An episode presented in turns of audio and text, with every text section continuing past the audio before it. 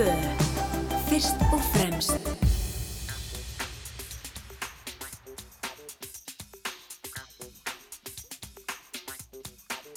Komið þið sæl og blessuð. Þá leggjum við að staði fram og tilbaka. Ég heiti Felix Bergsson og ætla að vera með ykkur hér fram til tíu fréttana. Já, þeir eru það sjálfsögða að hlusta á Rás 2 og það er indæris morgun hér í höfuborginni að vísu er hann daldi nabur norðangarinn en það er nú bara eins og það er. Og ef við kíkjum örstöttu við veðri þá er það bara svona norðalega átt víða 5-13 metrur á sekundu, daldi rigning öðru hverju norðan og austanlands en yfir bjart veður á suður og vesturlandi og hiti 5-14 stig að deginum mildast siðst 5 stig, það er daldi naburt ég vonaði lagi með ykkur bæði fyrir norðan og austan þeir bara klæðið ykkur eftir veðri og farið varlega hvar sem þið eruð. En það er mikið framöndan hjá mér í þessum þætti. Ég ætla að fá bæjastjóran nýraðuna í Kópavogi Ástísi Kristjánsdóttur til mín hérna. Kynast henni aðeins nánar og hún ætlar að koma í fimmu hjá okkur. Og um, við grunar að það tengist ákvörðunum í lífinu hjá henni. Og við heyrum það hér betur og eftir. Og svo ætla ég að ringja til London en hljómsveitin Dreamwife sem skartar söngkonni Rakel Leifsdóttur eh, ætla að hita upp fyrir Rolling Stones á stórum tónleikum í dag. Ég ætla að reyna að vekja Rakel og heyra í henni hljóðið. Um, svona áður hún fer í soundcheckið. Og uh, svona hvernig stemningi sé fyrir þeim tónleikum. Svo ætla ég að spila George Michael, hann hefði orðið 59 ára í dag. Og ég ætla að segja ykkur frá uh, kvikmynd sem ég sá í gerðkvöldi og fannst algjörlega frábær. En um, svo ætlum við bara að hafa það hugulegt svona eins og við gerum hér á lögatasmótnum það berast uh, erfiðar fréttir að utan og ég sendi kærarkveðjur til Norex til allra sem er að hlusta þar eða ekki en hún er hörmuleg þessi skotárás sem að menn þurft að þóla í miðborg Oslo í gær og hefur orðið til þess að öllum hátíður höldum á hinsegin dögum þar í borg hefur verið aflýst í dag og já, það er óþólandi það er algjörlega óþólandi þegar að ráðist er að frelsi og líðræði með þessum hætti. En svona er þetta og við vonum bara að að fleiri muni ekki e, bætast í hóp þeirra sem að létust í þessari árás en tveir eru nú þegar dánir. E, en e, við sendum kæra kveðjur til Norex og vonum að þið haldið hvert utanum annað þar. En við ætlum að byrja þetta á sömarlægi og hér eins og vennilega í þessum þætti. Lífið heldur áfram og margir hafa verið að tala um að það sé svona já, það sé svona fyrir hruns stemning í loftinu. E, það er Kate Boos er hérna orðin vinsalasta söngkonan og, og nú er e, verðbolgan að nálgast tvekkjastafutölu og, og e, fólk er á ferðast alveg eins og því sé borga fyrir það og ég veit ekki hvað og hvað. Og svo er ædol stjórnuleit að koma aftur í sjónvarpinu. Ég veit það ekki.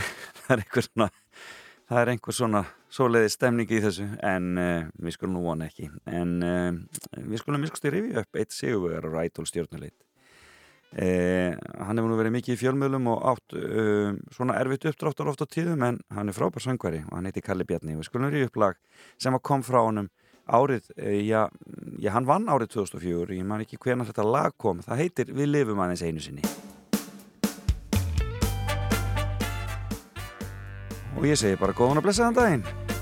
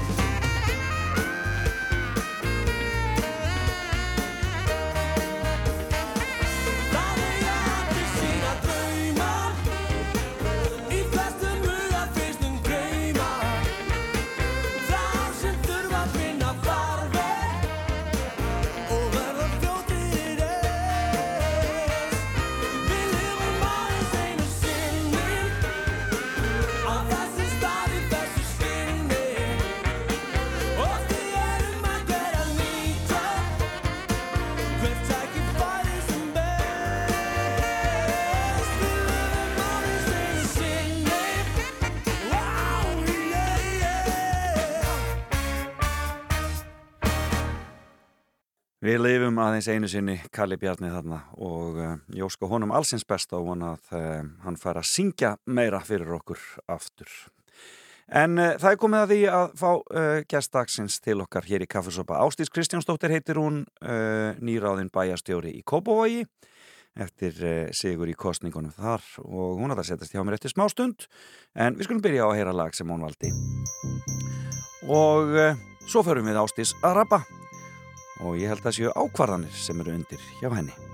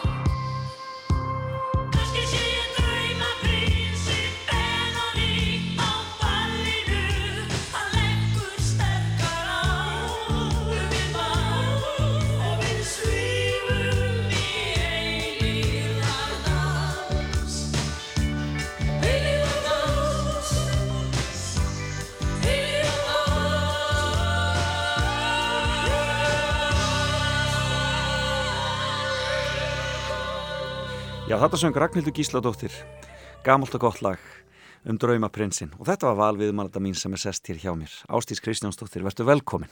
Takk fyrir. Og til hamingi með nýja starfið. Kærar þakkir. Það, ég ætlaði að ná þér í síðustu viku og þá hefði ég bara náð þér á deginum sem þú varðst bæjastjóri en, en, en það gekk ekki upp en þarna, hvernig hefur svona fyrsta vikan í þessu verið? Hún hefur verið mjög skemmtileg Já. en uh, hérna það er nóg að gera Já. og blasir við að, að hérna ég og eftir að setja mig inn í ínsalhuti, marga hluti en, en mjög skemmtilegt og bara spennandi tímar framöndan. Nákvæmlega, er þetta ekki svolítið svona þessi, þessi tala um sem þessi, svona, so, þessi hérna, tími þegar maður er að byrja, þá fer maður um og hittir fólkið og allir eru vinir og svoleiðis og svo fer þetta kannski að harna svona eftir því sem maður álýður. Jú, já, ég veit ekki. Allavega svona fyrstu daginu mínir í embættinu og sem bæjarstjóri ég hef verið að, að nota þá núna bara til að kynast starfsfólkinu. Já. Og ég sitt nú bara fundi frá 8 á mótnana til 6 á daginn. Og, og hérna maðurum minn næri ekki eins og lengur í mig þannig að ef að börnin þurfa á einhverju aðstóð eða þurfa að kalla eftir aðstóð þá þurfa að bara tala við pappa sinn þannig að, að ég er búin að nýta tíman mjög vel en það er auðvitað það er núna júni og starfsfólki er að fara í sumarleifi þannig að ég, ég ákvaða svona fyrstu daga mín í embati er því að setja mig fljótt og öruglega inn í, inn í hlutina og hitta sem flesta kynnast, þannig, og kynnast fólkinu þannig að ég er búin að vera, þessi dagar hafa verið nýttir ansi vel. Og þetta er reysastótt fyrirtæki, það er eitthvað bæjarfélagis og Kópavók. Já, þetta, er- það eru 2800 starfsmenn Já. sem að starfa hjá Kópavóksbæ og svo eru við auðvitað þjónusta 40.000 bæjarbú. Já, akkurat. Þannig að þetta er, þetta er ansi stórt fyrirtæki. Nákvæmlega. En það er fimmann þín. Ég plataði þið til að koma og svo við fengjum að kynast þér aðeins nánar. E, og e, þú ætlar að tala um ákvarðanir, sagður mér áðan. Já, ég var svona mikið að hugsa þetta þegar þú hafði samband að, að hérna, hver væri mín fimma og mín niðurstaði svo að eftir að hafa hugsað þetta vel og vandlega að það eru fimm ákvarðanir sem ég hef tekið í lífinu sem hafa svona, já, haft varanlega áhrif og, og bara mótað mig Já. og í raun leitti þess að hér er ég, Já. hvar er ég stött og, og, og hérna, þannig að, já, það var svona mín niðurstað. Það eru fimm ákvarðanir sem hafa svolítið svona, já, haft Varðað leiðina. varðað leiðina nákvæmlega. Og hver er svo fyrsta sem þú vilt segja okkur frá? Um, svo fyrsta snýra því ákvarðanir er snúa skólagöngu minni. Já, og í fyrsta lagi þá ég, það var nú ekki ákverðun heldur ég gekk eh, alla mína grunnskóla göngu í Seljárskóla já, já, já. og, og þar eignaðist ég æsku vinkonur uh, afskaplega kær vinskapur sem eru á mill okkar enn í dag og við erum bara að hittast í næstu viku, við erum með saumaklub, við erum mjög ólíkar Ok, og völdum uh, hérna, eða fórum ólíka leiðir í lífinu en samt sem áður við náum einhvern veginn alltaf að halda hópin. En svo er mér minnistætt eftir eh, seljaskóla, þegar ég var að útskrifast úr seljaskóla, þá hérna auðvitað þessi ákverðin í hvað mentaskóla ætla ég að fara. nákvæmlega. Og ég var alltaf alveg ákveðin í því að ég ætlaði að vera læknir. Já, og hérna og var í strætó á leðinni nýri í MR að skrá mig í MR já, og þeim tíma gáttum við ekki bara hérna skráða okkur í gegnum neti, það var náttúrulega ekkert internet nei, nei, á nei. þessum tíma. Nei, nei. og ég sitt í stræt og svo bara allt í einu er ég hérna fyrir utan Versló og þá bara ákvað ég, heyrðu, ég ætla ekki að mér ég ætla bara að fara í Versló eins og sýsti mín sem var þá einni í Versló, við tveimur árum eldri en ég Já, já, já. og ég bara stekk út úr stræt og skráum í Versló Og kemst inn. og kemst inn, Já. já. og hérna, og ég sé eh, ekki eftir því vegna þess að í Versló í fyrsta lagi e, kynnist ég viðskiptafræði og hagfræði og auðvitað líka starffræði, ég hef alltaf haft mikinn áhuga á starffræði Aha. Og í Versló jafnframt eignast ég mjög skemmtilegar og góðar vinkonur, mentaskóla vinkonur mínar og, og sem að við höldum vel hópin jafnframt í dag. En það sem kannski, eh, þessi ákvörðun mín að fara í Vestló leiti líka til þess að ég svona fjallaðist alltaf meira og meira um, þessum draum mínum að vera læknir og ég, ég fór svona að hafa meira og meira áhuga á viðskiptafræði tengdu fögum, uh, hagfræði Já, og líka auðvitað alltaf starffræðin. Já. Þannig að, að e, svo því ég klára Vestló að þá auðvitað aftur þurfti ég að taka var þessi ákvörðun hvað allir ég verði því ég verði stór já, og ég var alveg, ég vissi ekkit hvað ég átt, ætlaði að gera og, og hérna og fóruldra mínu svolítið svona voru aðeins að leiðbina mér svona uh, hvað ég ætti að, að fara að læra og sem var bara mjög gott og, og þau til dæmis komið þá hugmynd okkur fer ekki verkfræði já. Og ég svona, ha, verkfræði? Er það ekki bara eitthvað að vinna vinna á einhverju verkfræðistofu? Er þetta ekki svolítið bara Mæla svona, hús og já, mæla hús og er ekki bara kallar í verkfræði, Já, hvað er verkfræði? En uh, það sem að þau voru auðvitað, uh, svona voru búin að sjá og ég uppgötaði síðar er að verkfræði opnar á svo ábáslega marga möguleika og þarna er starffræðin auðvitað mjög mikil og, og, og, ég hafði mikið áhuga á starffræði. Já. Þannig að, að ég ákvaða að fara í vél og yðnaverkfræði sem er svona svolítið líka aftur þessi viðskiptafræði eða svona tengt viðskiptum líka og þar er svona, já, framlegslu stýring og, og hérna og, og auðvitað líka aftur starffræði og æðlisfræði og svo framvegs. Og þannig er það bara náttúrulega í Háskóla Íslands, það er ekki, það er ekki komin einn Háskóli Reykjavík þarna. Nei, þarna, þá er það bara í háskóla, háskóla HÍ. Háskóla Íslands og, og ég sé svo sannlega ekki eftir þeirri ákverðun. Nei, vegna þess að aftur talandum vinkonur sko, ég á æsku vinkonur úr seljaskóla ég á mentaskóla vinkonur úr Versló og mannstu ég ætlaði næstu því í MR Já, en ég kynnist MR vinkonum mínum í, Í verkfræðinni. þannig ég náði svona þannig að ég, ég, ég hérna hvað maður segi, ég náði að slá þarna tvær flugur einu höggi. En, en þetta að, að taka ákvörðuna svona í strætu og stökkva bara út skráði í vesla, ertu hvatvís svona yfirleitt?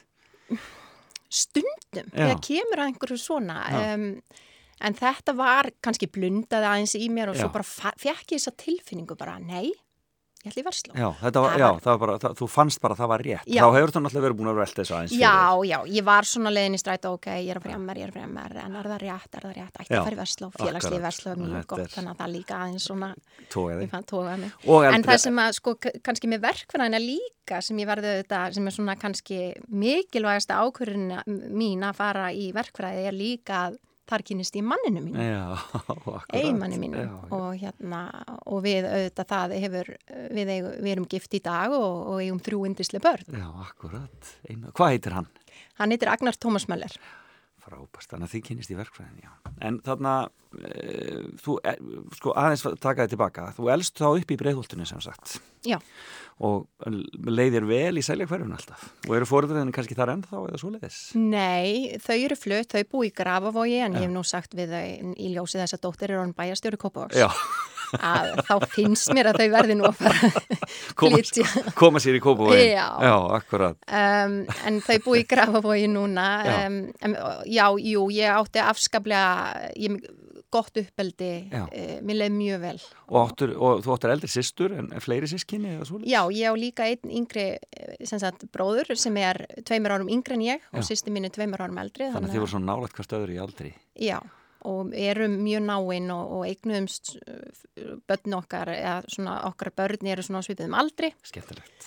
þannig að, að það er bara afskaplega Þið skemmtilegt haldið vel hópin. En, en sko þetta að fara í, í uh, verkfræðina, ég menna, eru verkfræðingar í fjölskyldinni eða voru einhverjir, voru einhverjir læknar í fjölskyldinni? Hvað, þarna, Nei, e, hvorugt, þannig Já. að, að hérna Þú þurftir svolítið að, svona, að brjóta þér þína eigin leið. Já, það er svolítið, bróður minn er hagfræðingur, sýsti mín er viðskiptfræðingur og, og, og pappi einnig. Já, Þannig að, já, ég hérna fór kannski einhverja, einhverja, leiti ólíka leið en svo aftur þá, svo klára ég BSc í verkfræði og, og ákvað svo að taka master í hagfræði já, já. Og, og það, svo má í raun segja að eftir ég kláraði masterinn í hagfræði þá hef ég alltaf litið bara á mig sem hagfræðing já. frekar en verkfræðing þó svo að grunnurinn auðvitað úr verkfræðinni var afskaplega mikilvægur og, og mjög góður grunnur. Þann, þannig ef við brjótum þetta niður þá fyrsta ákvörðun er að fara í Vestló, næsta ákvörðunin er að fara í verkfræðina og hvar var þá þriði ákvörðun? Það var uh, að, að fara í mastersnám í hagfræði vegna þess að, að í hagfræðinni kynnist í Áskeri Jónssoni, selbankastjóra. Já, já, já. Og það snýrað að, e, ákvörðunin er snýrað að, sem ég ætla að ræða næst við þig. Já, Og teng, þannig ég tengi það eins inn í já næstu ok, en hvernig, en hvernig voru árin í, í hagfræðinni? Það hefur verið allt annað, allt annað dæmi heldur en verkfræðin. Já, um, það er, ég tók eins ásmaster Já, og hérna það var bara mjög skemmtilegt og ég var auðvitað bara að læra nýja hluti og svo skrifaði ég mastersritgerðinu mína hjá Áskeri og kynist honum í, í gegnum það. já. Og, hva, Um, og hvað skrifaður um? Ég skrifaði um fastegnumarkaðin. Já, Já, að ég var að eh, gæða leiðrétta fastegnaverð vegna þess að það hefur auðvitað mismunandi áhrif hvernig, hvar fastegnir eru staðsettar. mm Uh, það er að segja, uh, hérna, hefur áhrif á verðið og ég var að gæða leiðrétta eh, sem sagt fastegna verð miða við stað, ólíka staðsynninga á höfuborgarsvæðinu. Og hvað er stórin gömur þá þegar þú útskrifast með masterskræðana? Þetta hefur allt verið bara á réttum, á réttu róli. Já, úf, hvað er ég gömul? Ég, er, ég útskrifast úr hagfræðinni hvað, 2005 Já. og ég fætt 1978. Nú er bara að reikna, nú er bara að reikna 27 ára. Já. Já, frábært. Þannig að þetta er, og, og varstu þá komin með fjölskyld á þeim tíma? Voru þið farin að eignast börnin ykkar á þá? Nei, við vorum byrjuð að búa Já, og hérna, en við eignumst ekki okkar fyrstu börn, við, okkar fyrstu börn voru tvíburar Já, og já, já. við eignumst þau því er einmitt 30 ára, Já. þremur árum síðar. en skemmtilegt. Og þið eigi þrjú börn í dag og þarna eru þau á, þarna, hafa þau erft starffræði áhugaðan frá móðu sinni?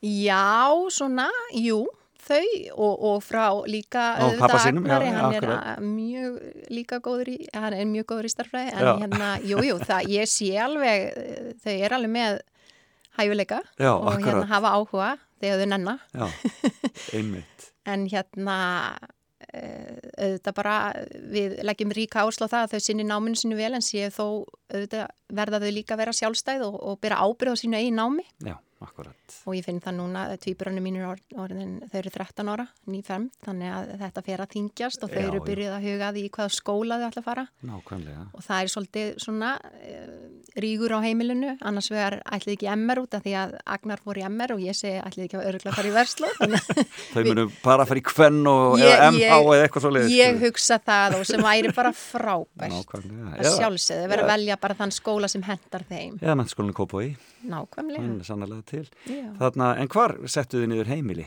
litla fjölskyldan? Já, við byrjuðum að búa í, í hérna miðbænum, Já, eh, 101, bráðlikutu, eða fyrst byggum við reynda bara rétt hjá hérna Vaffer, hérna verkfræði eða háskólanum, já, en svo keiftum við okkar fyrstu íbúð á bráðlikutu já, já. já. og byggum þar, uh, já, í einhver nokkur ár, 2-3 ár og svo voru tvíburinn orðin eins ás og þá þurftum við að Að stækka við stækka við okkur. Já, og, og fóruð þið þá e, í einbíli eða svoleiðis eða? Um, þá, já, þá fluttum við Já. og í annað sveitafélag Já, og þá fluttum við í Kópó. já, þá flyttið Til ykkur Kópó, bara. Já, í Kópó. Nákvæmlega. Heyrðu, við erum komið með þrjára ákvarðanir af fimm og uh, áður en við heyrum þá næstu sem að tengist Áskeri Jónssoni og, hérna, og master í hagfræði, þá ætlum við að heyra eitt lag. Þú talaður um uh, Sigurð uh, Guðmundsson og Sigur Tólasíus og Dalakofan, þetta er nú ekki kannski lag sem ánd fólk er svona almennt að velja. Nei, ég er með afskaplega furðulegan tónlistasmekk og það má, ef ekki bara segja það að ég er sjaldan beðin um að sjá um tónlist í partí. Já, það er svoleiðis. en þetta er dásanlegt og uh, romantist og fallegt og hér er svona giðum hann að dísu í Dalakofanum. Við skulum heyra í Sigurði og Siggu og svo höldum við Ástís Kristjánsdóttir áfram að spjalla. Vertu hjá dísa meðan kvöldsins klukkur ríkja og kaldir stormar næða um skó og eyði sand. Þá skal ég okkur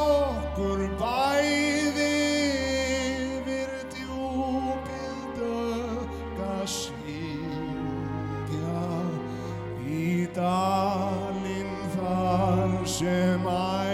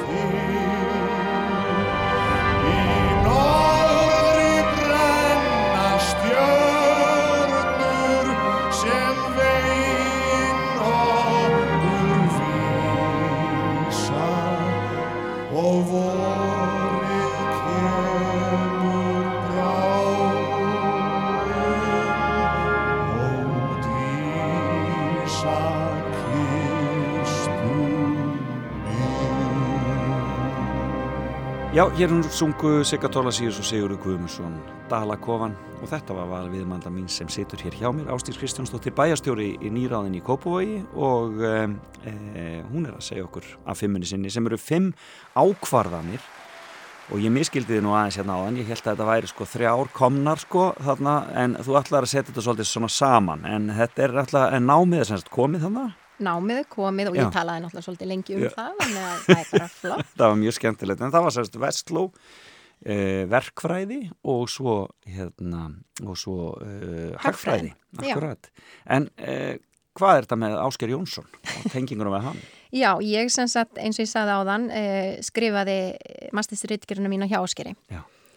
Og þegar ég klára meistaranámið í hagfræði þá reyndar eh, riðum minn sem sérfræðing hjá fjármálaráðundinu Ok, um, en ég stoppaði mjög stutt þar vegna þess að, að því ég var fljótlega að byrja eða svona búin að vera í einhverja nokkra mánuði þá hafði Ásker Jónsson samband við mig og bauð mér að koma að vinna í greiningadeldinni eh, hjá Kaupþingi á þeim tíma. Já, já, einmitt, og ég stökk á það sem var uh, mjög svo góð ákverðin að mínu mati og, og hafði líka áhrif á kannski svona hvernig ég eh, hvað segir maður, þróaðist í starfi og Já. hvaða ákvarðan ég hef tekið er snýrað að eh, næstu eða, framt, eða þeim störfum sem ég hef tekið að mér Akkurat. eftir það. En þetta er náttúrulega bara þá algjörlega á búm, búm tímanum ef við tölum um það. Þetta er svona uppgangstímin mikli. Já, þetta var svona, já, eh, 2005-06 Einmitt. og hérna það var mjög gott að þetta er að, að, eins og ég nýjútskrifa hagfræðingur Já.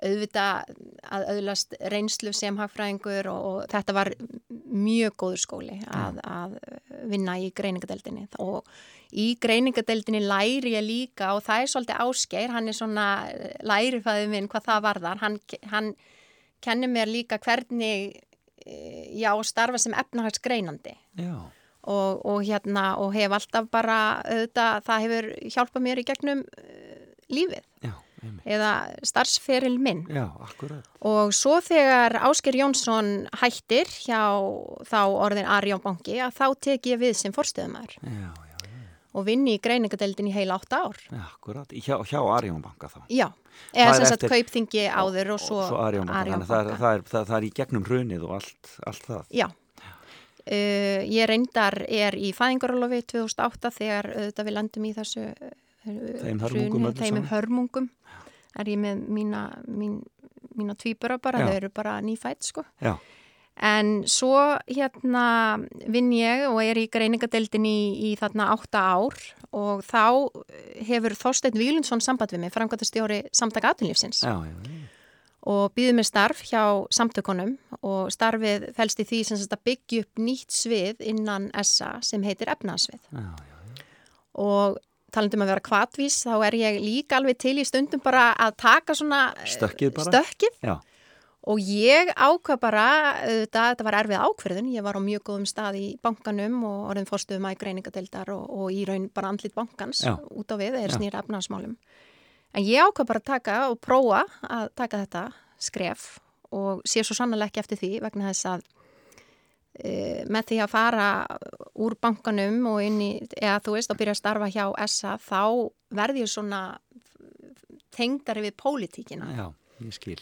En ég man á þeim tíma var, voru fyrir um starfsfélaga mínir afskapandi yfir þessari ákvörðin minn. Hvernig dettur þér í hug að fara úr bankanum til Að samtaka aðila, taka já, þetta skref. það, en, en, það, en þú hefur tekið stökkið. Já, og Stokkið úr strætó. ég stökk úr strætó og, og þá fljótlega fór ég og þetta verða pólitískari og pólitískari og fann bara, þetta finnst mér skemmtilegt.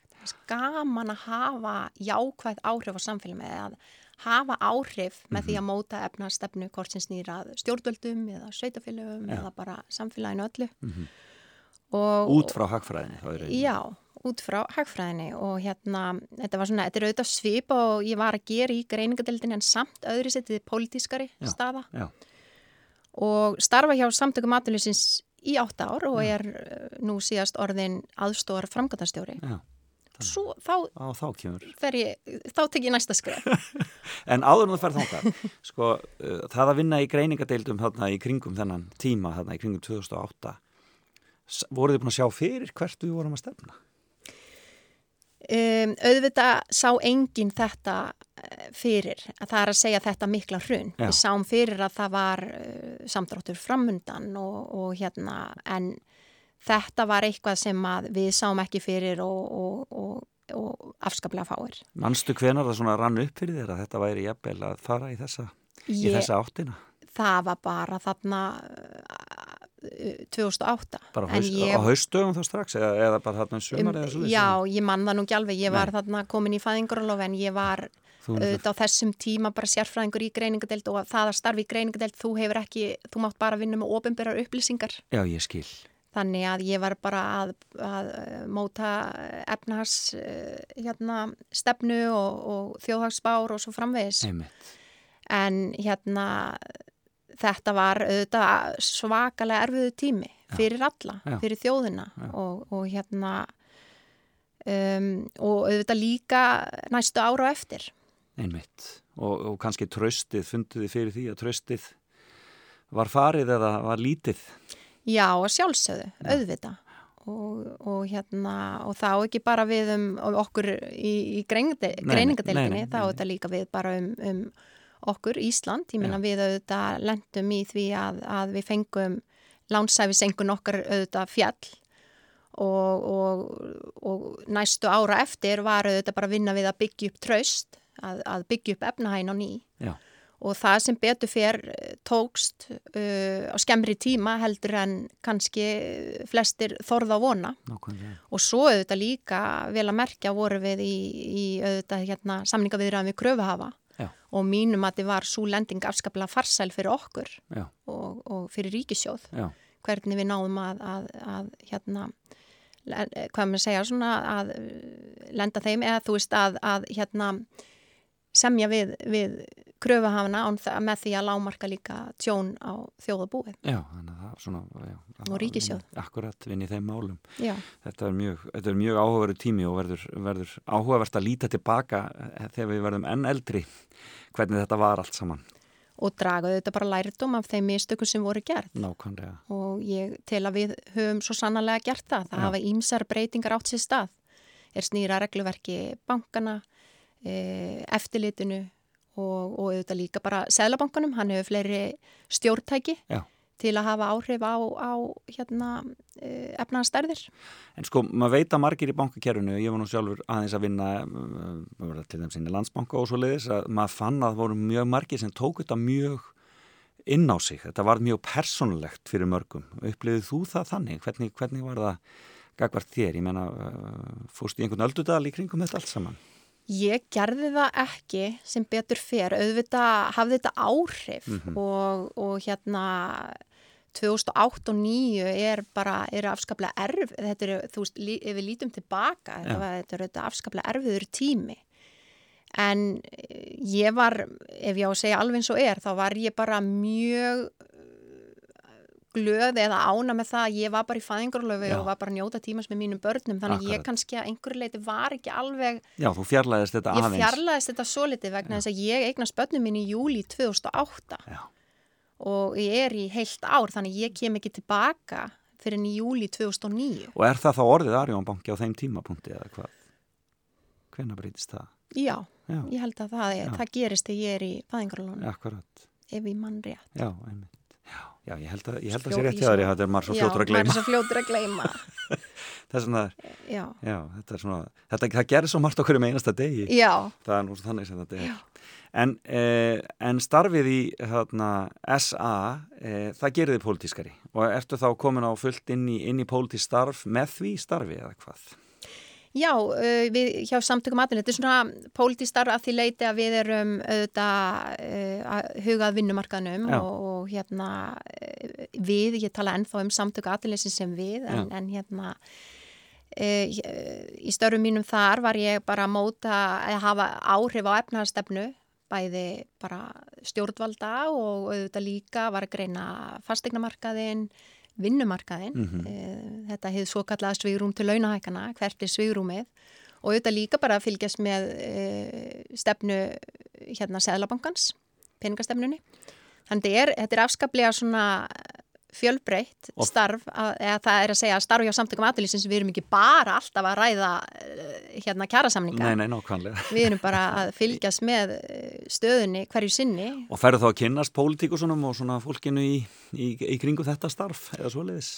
Já, maður gerir það vegna þess að við erum líka auðvitað alltaf að skrifa umsagnir Já. sem dæmi og, og ég sem eh, hérna, fórstuðum maður efnaðsviðs og svo síðar aðstofa frangatastjóri var meðal annars bara ábyrð á því að, að skrifa umsagnir er snýra fjármálastefnu hins opimbera, uh, fjárlögum uh, og þannig að þegar þú skrifar umsagnir þá mætur fyrir nefndir og, og þetta ert í, í svona eh, talsambandi við, við pólitíkina. Já, það hefur ekki heillaði alþingi og þú hefur ekki farið að hugsa að þanga þinn?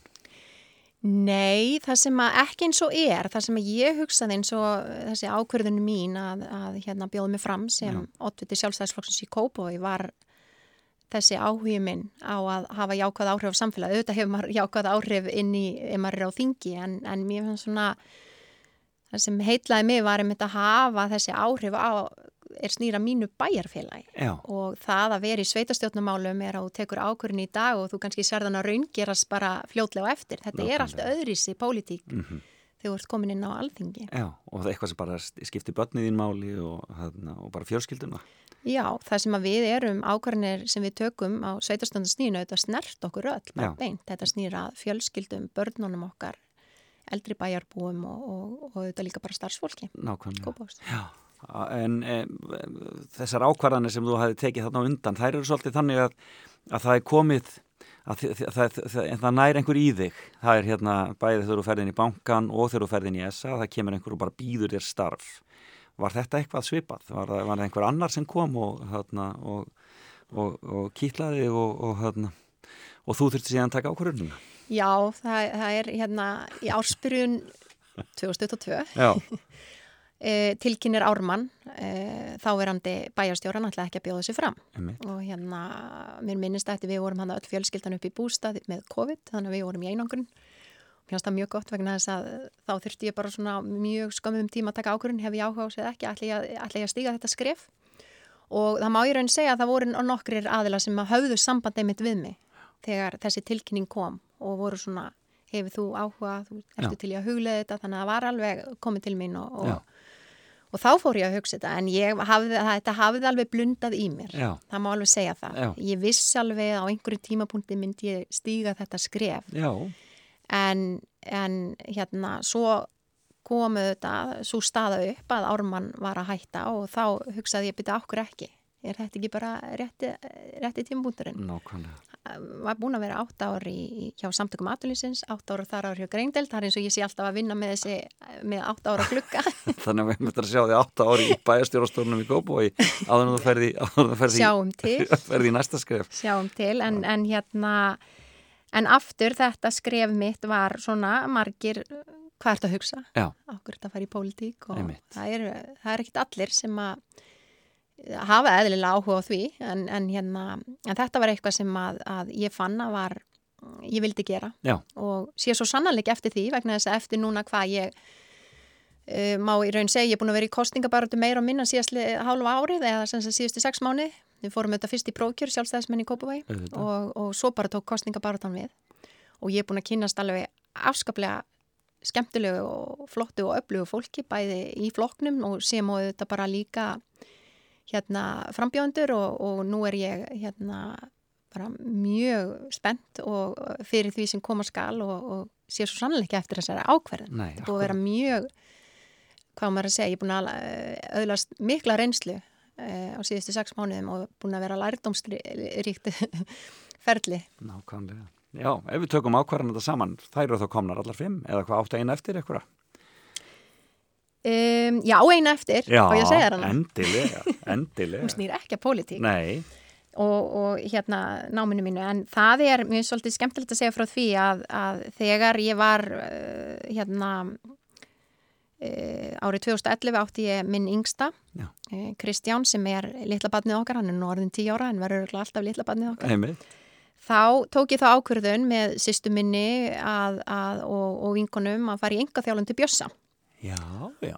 og það er þarna hvað 2011 og við erum hverju, í hverju einustu viku, tvísari viku búin að mæta til bjössa og bara æfa, lifta og hérna, Hvað er það? Er það í sporthúsinu þá? nei, reyndar ekki það er í vörklass Já, og hann hefur bara haldið okkur svolítið við efninu og ef, við erum ef það kemur ykkur svona smá tíma sem við hittumst ekki þá þurfum við auðvitað að spjalla alveg óbúslega mikið. En hann er alveg, hann er, hann er rosalega agaður Já. og bara fattar strax, ok, þetta er staðan heyrðu, nú ætlum ég bara að láta þær hérna dreifa þeim um salin þannig að, að þær fá eitthvað út úr æfingunni. En en eh, þetta er, ég mæli með þessu þegar maður hefur nú ekki mikinn tíma eh, reyfing skiptir mig afskaplega ég, ég þarf að reyfa mig mikið þetta skiptir mig máli Varstu íþróttamanneskja sem barn? Já, ég var í handbolta Já. og í bortennis Einmitt. ég nú náði að verða Íslandsmeistar í bortennis í úlingaflokki Ég vel gert, til það mikið með það. Og, og þannig að þú, þú, þú hefur haldið áfram í rauninni hreyfingunni þarna með, með vinkonunum. Já, og hérna, og við hittumst bara tvisar í viku og þetta er bara algjörlega frábær tími, bæði hitt ég þá vinkonu mínar og sem og líka næja að reyfa mig í leiðinni og hérna, Gæða tími. þannig að hann, hann heldur okkur, hann, hann tryggir það að, að við hérna, hvað maður segja, svona uh, missum ekki niður dampin, Já, akkurat. mjög gott. Góð ákvörðun. Já, mjög góð ákvörðin. Góð ákvörðun. Ástís Kristjánsdóttir, hvernig verður sumari hjá þinni fjórskildu? Hvað ætlar að gera í sumarfríinu? Já, sumarfrí segiru. Ég var nú hérna í nýjum starfi þannig að ég veit ekki hvað sem ekki sumarfrí ég tek en, en hérna, Eitthvað smá. jú, jú, auðvita, ég verða að, vera, ég verða að vera með fjölskyldinu minni og við ætlum nú að vera eh, svolítið mikið bara í sumabústanum okkar. Já, hvað er hann? Hann er í laugarási Já, já, já. og sem er bara Dásamlegt. dásamlegt, algjörlega og frábært og þar, ég ætla nú bæði að vinna þar en líka vera bara svona aðeins að, að róa hugan og, og slaka á. Svo ætlum við reynda líka, eh, við sýsturnar ætlum með, með börnin okkar, þeir eru, sem sagt, krakkarnir eru að æfa fótbolta og þau eru að fara á Helsingi Cup. Já, og við ætlum að fara í nokkra daga með þeim þangað. Já.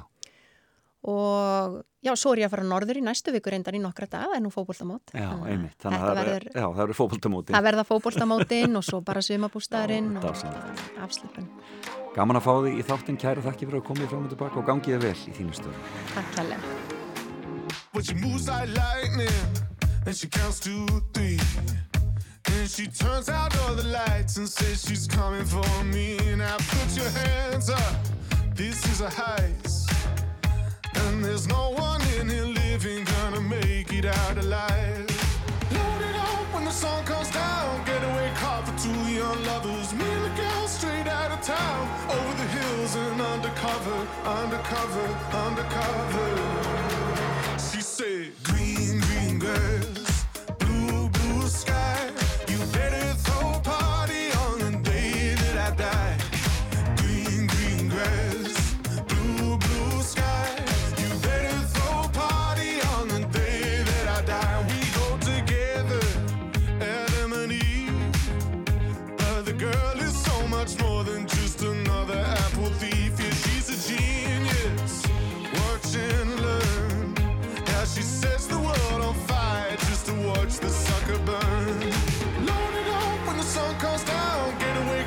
Two young lovers. Me and the girl straight out of town.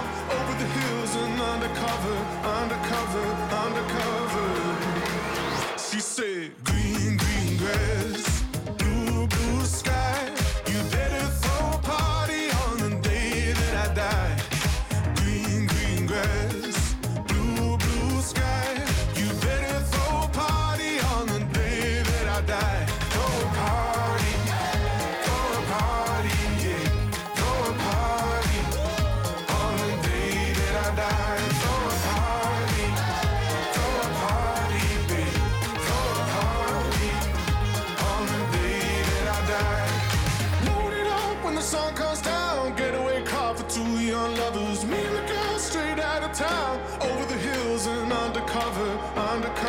undercover,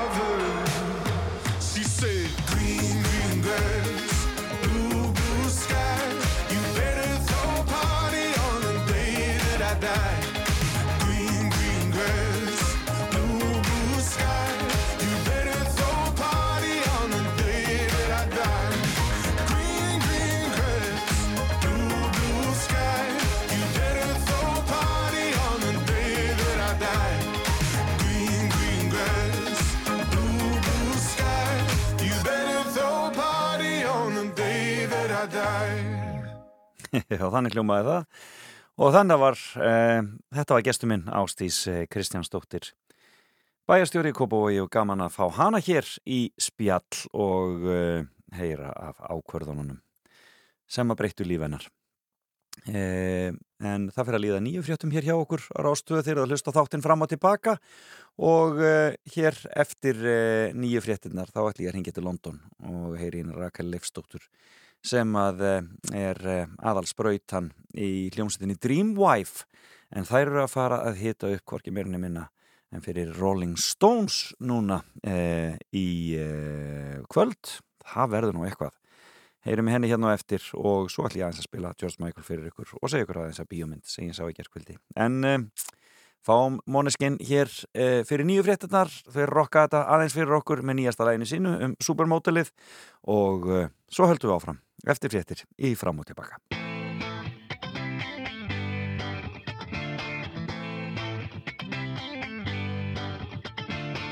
Alone at parties in a deadly silhouette. She loves the candy, but candy don't love her back. When she's upset, she talks to Maury and takes deep breaths. She's a 90s supermodel. Uh, way back in high school when she was a good Christian. I used to know her, but she's got a new best friend. A drag queen named the Virgin Mary takes confessions. She's a 90s supermodel. Yeah, she's a master. My compliments. If you wanna love her, just deal with her. She'll never love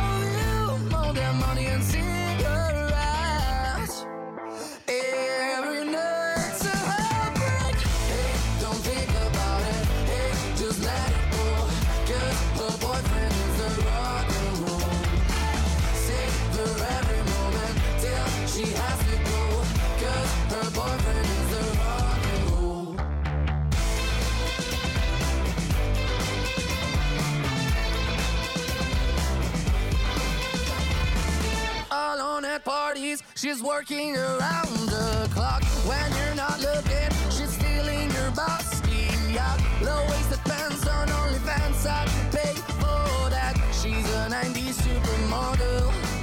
Yeah, she's a monster. My compliments.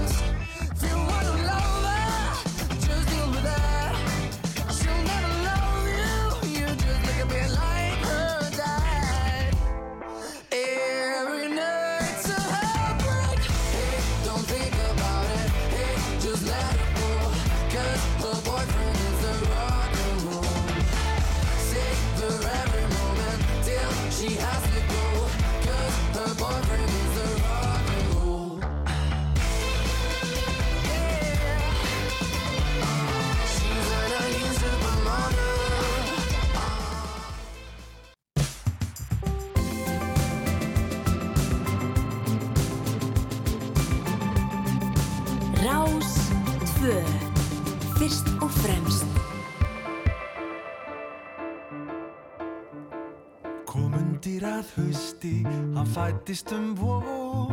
Honum var ætlað að fylla þau spór Sem pappi gamli hafði tróðið hér áður. Í áttunni var hann svo svalur og klár Með uppbrettar ermar og ótrúlegt hár. Smáræðis kók og spýt en varð aldrei háður þetta shit. Orðin allt og gamall fyrir þetta og hitt. Orðin allt og gamall, orðin allt og gamall. Oh. Og strax eftir MR tók lögfræði próf. Þá var enginn með kvíð og ekkert einhverfu róf. Og kallinn var smátt og smátt helviti fjáður Hann hlustað á Collins, Clapton og Sting. En tískan hún fegur ekki alltaf í hring. Á þetta rap getur enginn hlustað alls gáður. Er hann orðin allt og gamall fyrir þetta shit? Orðin allt og gamall fyrir þetta og hitt Orðin allt og gamall,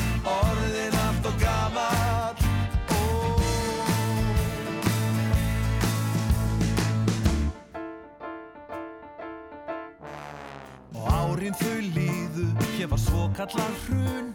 Hann átti sjóði nýju en hann hafði engan grun. Misti snekkjun og húsið á spáni. Nú hverfa þau eitt af öðru bílastæðin Og á bara að leggja niður enga bílinn. Heldur þessi dagur bjö að ég sé bjáni þetta shit Orðin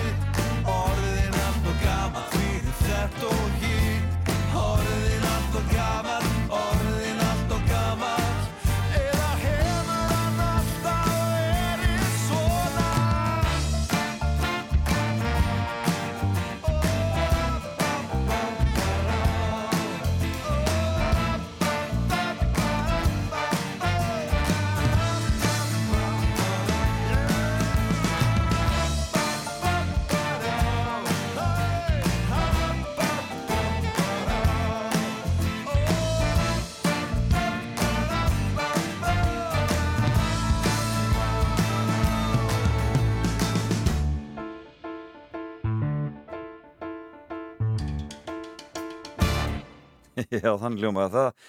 Svopnir sig og þetta frábæra nýja lag frá honum sem heitir heitir Allt og gamall. Eh, og eh, þetta verður mikið spilað í sumar. Svona sangkallaður sumar smellur um, Ég fór að sjá Elvis í gerskvöldi myndina nýju. Og það er bara óhætt að segja að þarna sé bara stórkostleg eh, kvikmynd á ferðinni eh, get ekki mælt með henni nósamlega, hún er algjörlega algjörlega briljant og um, eða mér skoðist það fannst mér e, gæsa húð frá upphafi til enda og ótrúlega velgerð af honum e, Bas Lurman. E, og þessi strákur sem fer með aðalutverkið Austin Butler hann er bara algjörlega meiri áttar og Tom Hanks ekki síðri sem, e, sem e, Tom Parker sem segir söguna og uh, þetta er já, mjög vel gert. Og svolítið svona í þessum Paz Lurman stíl, það er svona sögumadur og, og mikið af tónlist, tónlistinni tónlist svona ofinn saman. Þetta er alveg ótrúlega vel gert og ég bara hvet ykkur eindreiði til þess að skella ykkur í bíó og uh, tjekka á þessu. E, hún er komin af stað þessi nýja mynd. Um Elvis e, og uh, er í bíó út um allt út um allt svona bara dásanlegt, fara í bíó og fallegu sumarkvöldi og, hérna, og um, hún er líka svolítið pólitísk og ég er bara mjög pólitísk og það er það skiptir miklu máli líka þessa dagana, það er ekki óvægt að segja það. Skulum fá eitt góðan Elvis. Áður en ég fer síðan að huga því að ringja til London og heyri inn í Rakel Leifsdóttur söngkonu í hljómsveitinni Dreamwife. Til að hlusta þáttinn fram og tilbaka hér á Rástvöð We're caught in a trap. Can't walk out because I love you too much, baby. Why can't you see what you're doing to me when you don't believe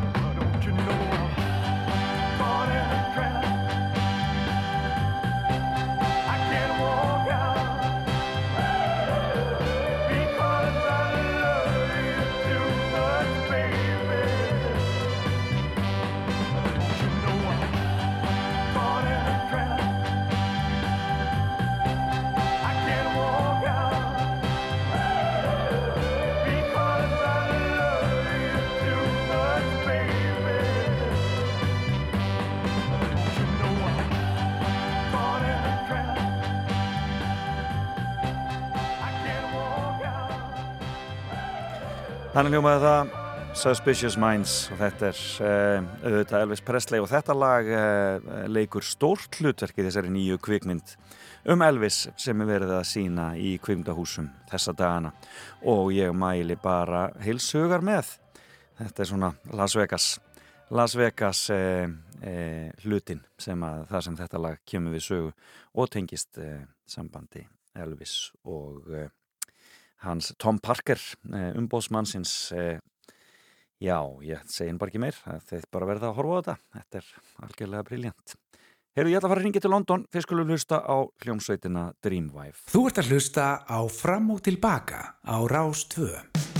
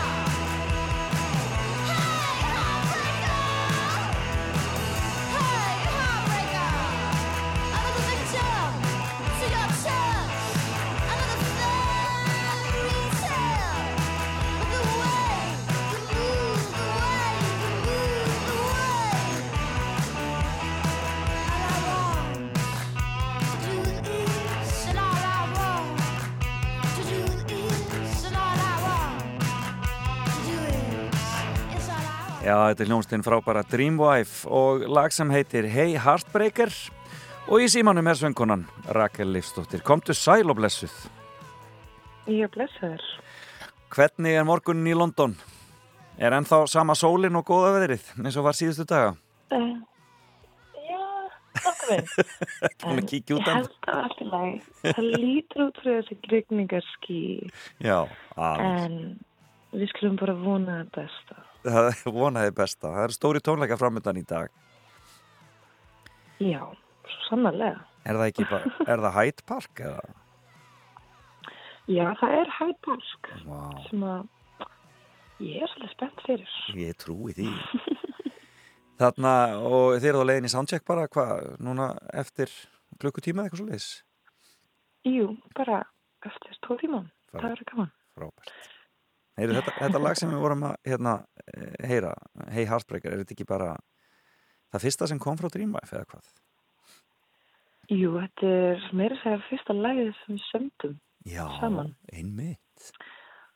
og þetta var svolítið grín að því spilum í partíum hjá vinum okkar í Bræton. Já, Það var, í, við vorum í listaskóla þar og kynntumst þar og byrjum sér að spila í partíum og dragklubum. eins og góðar hljómsveitir gera, Um, skilur Já, var, við vissum ekki alveg hvernig, hvernig, hvernig það virkaði allt Já. saman. En það er líka bara gaman. En í partíum þá myndum alltaf velja vin sem væri þessi. Já, þá myndi vera eitthvað hey Daniel hey Tony og það var alltaf svo mikið húmor Já, einmitt. um, en svo þurfti alltaf að taka upp útgáðu og, og það fyrst að vera Heartbreaker Já, akkurat. Þetta er frábært lag. Og kom, og kom, ykkur þarna, vel af stað. Já, ég held að fólk fíla þetta Já, um, er já, þetta er orðan, tvær plötur, en uh, ég heyrði þér í vikuna og þá sagður mér að COVID hefði svolítið stoppað ykkur. Eins og alla aðra Já, kannski. við eins og alla aðra tónlistamenn. Já.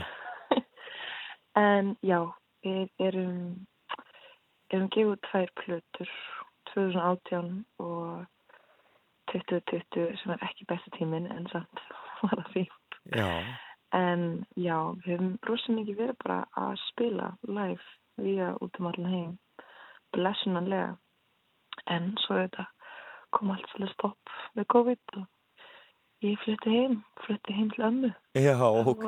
Já, akkurat. en það er mjög gott að vera komin aftur út Já. til London og geta spilað live það jafnast bara ekkert á við það En notaður tíman í að semja eða svoleiðis þú varst heima hjá ömmu? Nei, ég held ekki, ég held að ég hef verið bara svolítið mikið í sjokki Já, akkurat. svona við höfum tilbaka Einmitt. og líka því að við vorum búin að vera bara non-stop í nokkur ár Já. Um, að ég held að það er svolítið fínt að bara geta haft tíma til að hugsa tilbaka. Já, eða bara tekið inn. Það er margt sem við höfum gert sem að ég held ég tók ekki inn fyrir stoppum og ég held að það sé líka jákvæði tími upp á einhvers konar sköpun að kvíld eða að meðtaka. Um, í staðan fyrir íta þig áfram, áfram, áfram, áfram um, eins og við erum núna að, að taka plötu. Já. og við byrjuðum að semjana þetta eins og allir aðri tónlistumann í COVID-inu. Já. og það var, var lockdown í Englandi. Svo þegar við hittumst og svo voru þau ekkert bara að sjá aðra mannesku í trómuleikarn hefði ekki séð aðra mannesku í tvo mánuði þegar við hittumst. Já, og þetta var allt svona hittast ykkur svona út í sveit í mánuð að semja og svo vorum við að hlusta tilbaka um, síðast að sumar að hvað við höfum samið og þetta var ekkert spes. Nei, ok.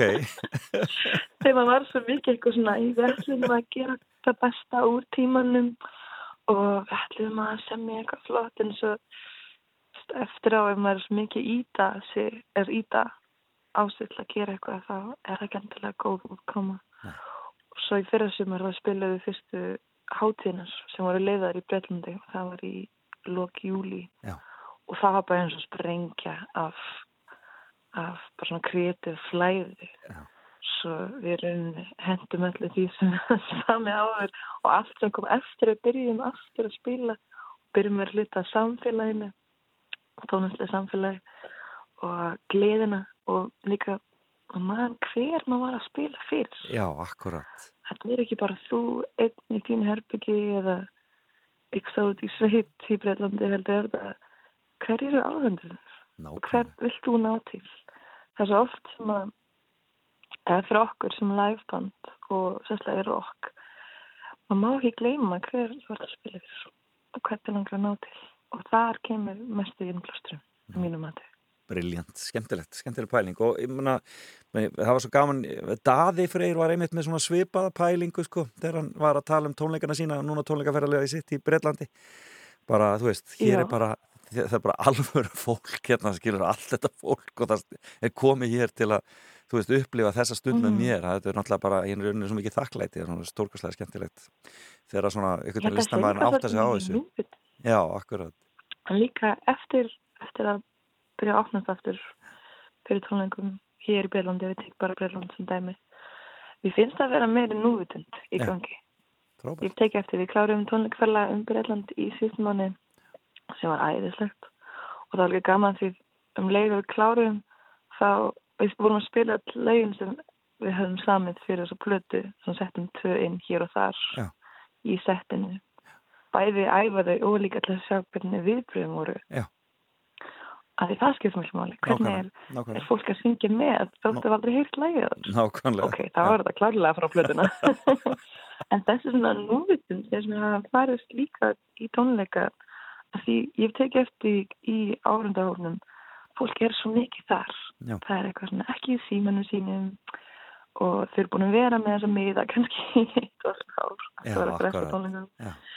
En eru bara mætt og ætla að skemmta sér og, Og ætla að njóta. finna fyrir samfélaginu Nákvæmlega. já og líka finna fyrir að þú ert komin inn í samfélag Brilliant. sem er, eru tónleikar allir í kringum þið eru hrifnir að því sama við erum allir hér til þess að upplifa og við erum allir hér til þess að njóta og bera viðingu fyrir hvort annað Briljant. Heyrðu og þannig verður það í Það- er það ekki? Það verður, þetta verður, þetta verður mikið núvitund á stund hana í Hyde Park. Þeir eru semst að fara að hita upp, þeir eru semst að fara að hita upp fyrir Rolling Stones. Og það eru nokkur bönd sem þetta er bara næstu eins og tónlistarhátíð þarna hreinlega. þetta er bara eins og tónlistáttis ég er mjög svolítið cool pæling. Hvernig kom þetta til? um, við erum við erum með bókunar og þau höfðu sambandi við okkur. Já, að tónlistbandin er svo mikið svona í sérslega í Breitlandi finnst mér. Já. maður veit ekki nandilega hvað maður er að fara að gera. En maður veit að upp á þessu marki planar tónleikaferðalög og en svo er alltaf svona sérslega þegar kemur uppbytun og stundum hátir maður veit ekki alveg hvað maður er að að gera fyrir bara nokkur dögum áður og það er það er bara mikilvægt að geta haft tíma til að segja já Briljant. Þetta verður hrikalega skemmtilegt. Já. Veistu hvað verður mikið af held fólki? það, ég er mjög spennt fyrir þessu ég hef ekki hugmynd Nei, en ég ætla bara að taka það sem ég býst nákvæmlega. Vel gert. hvort sem að hvers, hvernig þetta verður hvað verður langt settið ykkar? En mamma og pappi verður allan að fremst Það er briljant, það verður nú gott að hafa þau þarna. En þú ert náttúrulega af mikill lista fjölskyldu, svo það sé nú sagt að, móð, að ammaði náttúrulega Guðrún Ásmundsdóttir leikona og Já. frændiðin Ragnar Kjartansson ekkert nema einhverjir, einhverjir, lista, einhverjir listaspýrur í kring hana. Já, mér er svakalega Já, þess vegna var mjög gott að einmitt þegar COVID þú sem hægst og Breitland fór í, í lockdown þá fór ég bara til ömmu. Og átti mjög endilega tíma með ömmu minni. Og það, það var bara en það er líka það er svo mikilvægt eins mér að hafa fyrirmyndir. Dásanlegt. að hafa í listum sérstaklega og líka ekki bara upp á listræni hlýðina að geta leitast í og líka afa minn og frængur og maður er svo svakalega heppin með þessa fjölskyldu og sískinni Briljant. en að líka geta tala um list sem atvinna Já, akkurat. finnst mér svo mikilvægt Fólk sem Já. skilur það. stundum finnst mér Já, mér finnst svo oft eitthvað svona allsherja grín á Íslandi að tala um að listamenn séu með fimm aðra atvinnur Já. sem er bæðist, jú, skemmtilegt svolítið líka eins og bara í, íþróttum. Þú veist hvað okkur fannst. Góð saga að, að hvað var það, þegar já, bara talæknin sem var sem fór með íslenska landslið út. Já. og, og þetta er alveg jú, þetta er skemmtilega saga en mér finnst þetta svolítið sárt Já. þegar við bindum listamenn okkar Íslands að þau þurfa að hafa aðra atvinnur til þess að lifa af eða til þess að geta verið listamæður mér finnst það svolítið svona erfið erfitt viðmót sem er ekki hér í Bellandi Nei. og en þetta er mynd að vera að list er atvinna og hafa líka fyrirmyndir fjölskyldu fyrirmyndir og vini sem að sem að sína það og sína hvernig er hægt að gera það, Briljant. hvernig er hægt að með góður endur skoðanda með góðan hendur sko það er frábær loka orð ég óska ykkur allsins besta ykkur í Dreamwife á tónleikonum með Rolling. Stones í dag og þetta verður briljant. Þið bara rockið sviðið með ja, frábært. Og við skulum enda þetta á nýlegu lagi frá ykkur. Temporary heitir það. Kæra þakkir fyrir spjallið Rakel Leifsdóttir. Eh, Takk hérlega, bless bless. Og gangi ykkur vel. Takk hérlega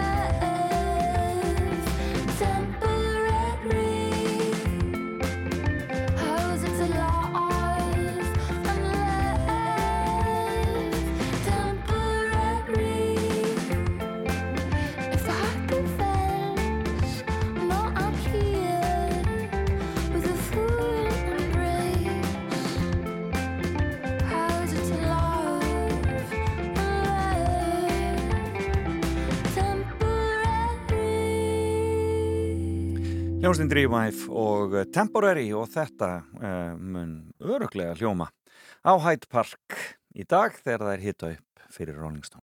Felix Bergson fer fram og tilbaka á Rástföð.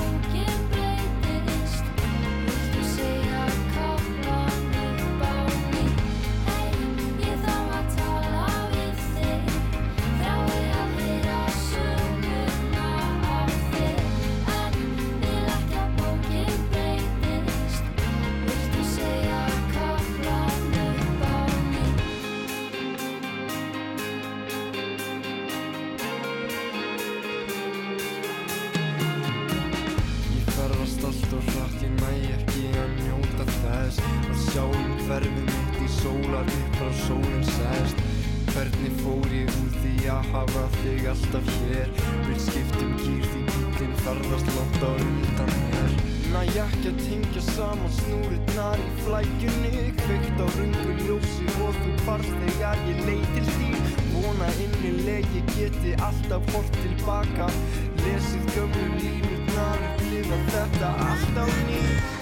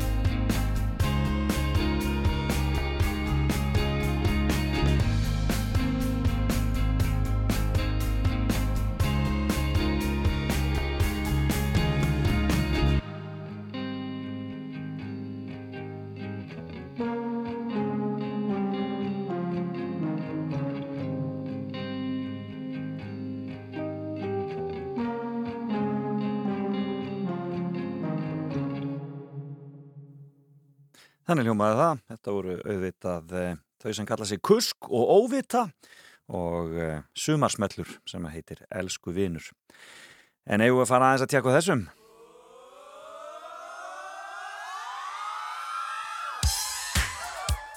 Þetta er svo skemmtilegt. Þetta er VAM. Já, já, já. Svona byrjaði þetta allt saman. Young Guns, go for it.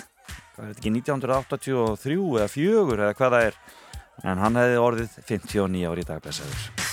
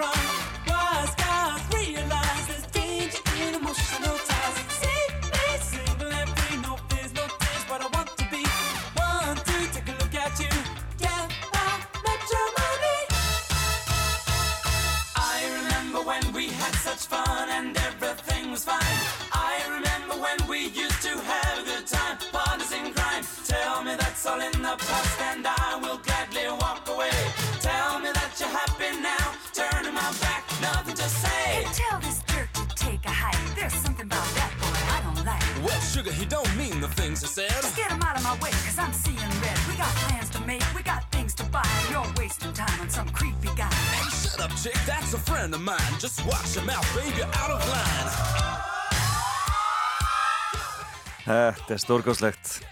Já, George Michael, hann var fættur 25. júni árið 1963 í London, en hann dó náttúrulega allt og allt og snemma. Hann var ekki nema 53 ára gamall þegar hann lést uh, árið 2016. Hann reistir fræða með tvíikinu VAM á nýjönda áratunum og held svo áfram með sóloferill eins og fræktur orðið. Hann ólst upp í Norður London, fadur hans var kýpurgrykki og veitingamaður, en móður hans var enskur dansari og Michael sagði að mikil vinna foreldra hans hefði komið niður á hann og þau hefðu vannrækt hann. Eh, og í skóla í Hertfordshire hitti hann Andrew Ridgely og þeir urðu VAM. Stopnuðu hljómsdena árið 1981 og gáð út lagið Wham Rap, hlaut litlar undartektir en það var síðan þetta lag, Young Guns, Go For It, sem að e, var til þess að plata þeirra.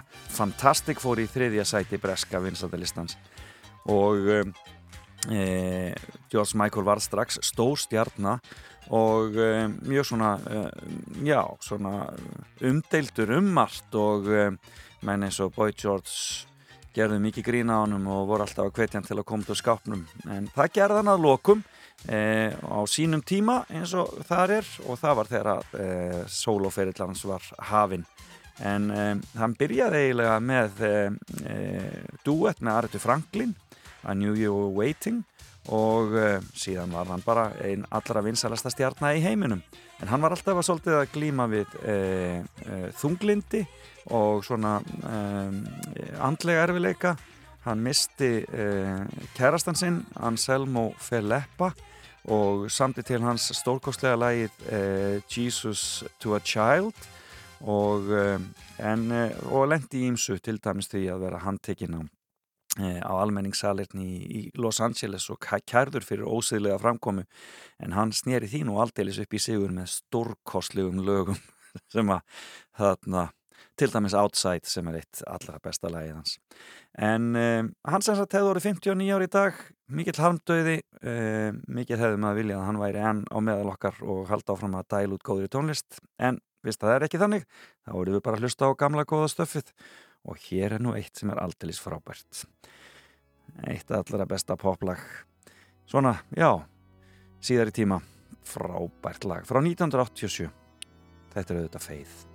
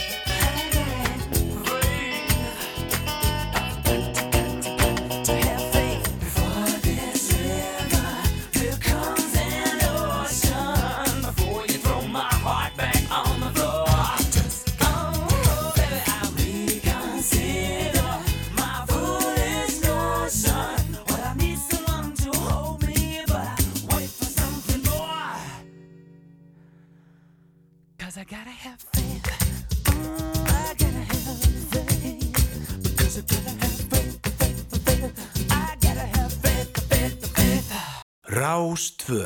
Fyrst og fremst.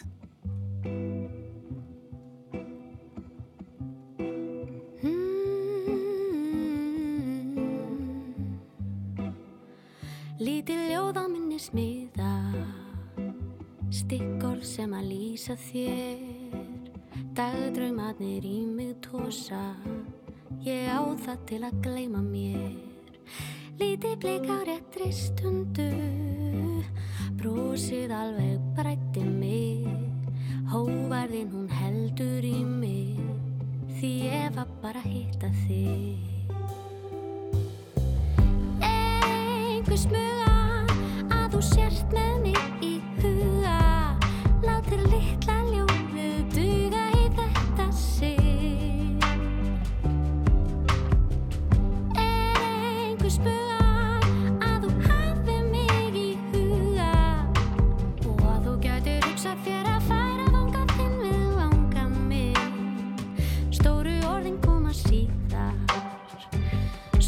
sem ég vil segja þér. Draumórar og skýjaborgir Ég leiði þig á eftir mér. Stóru skrefin verða tekin Bara ef ég þóri því. Hendur mína munu finna lífið þinna handa Ég er komin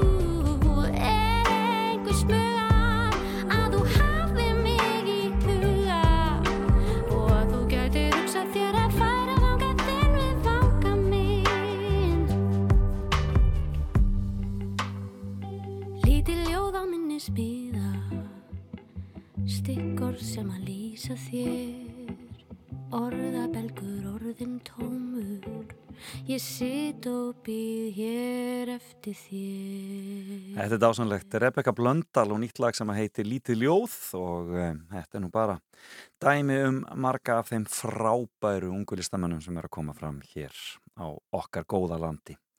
En hugurinn leita til Oslo í dag og uh, þeirra hræðilegu atbyrða sem eru þar í nótt þeirra ráðist var á hins eginn samfélagi þar.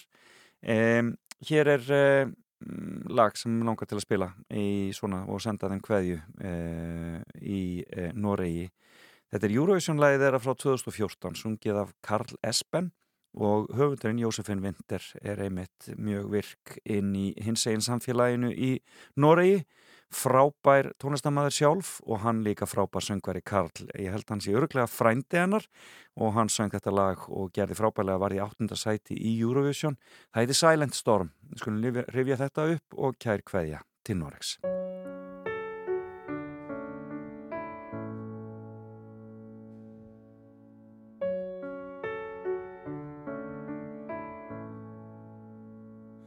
head to toe. Flesh and bones should feel whole,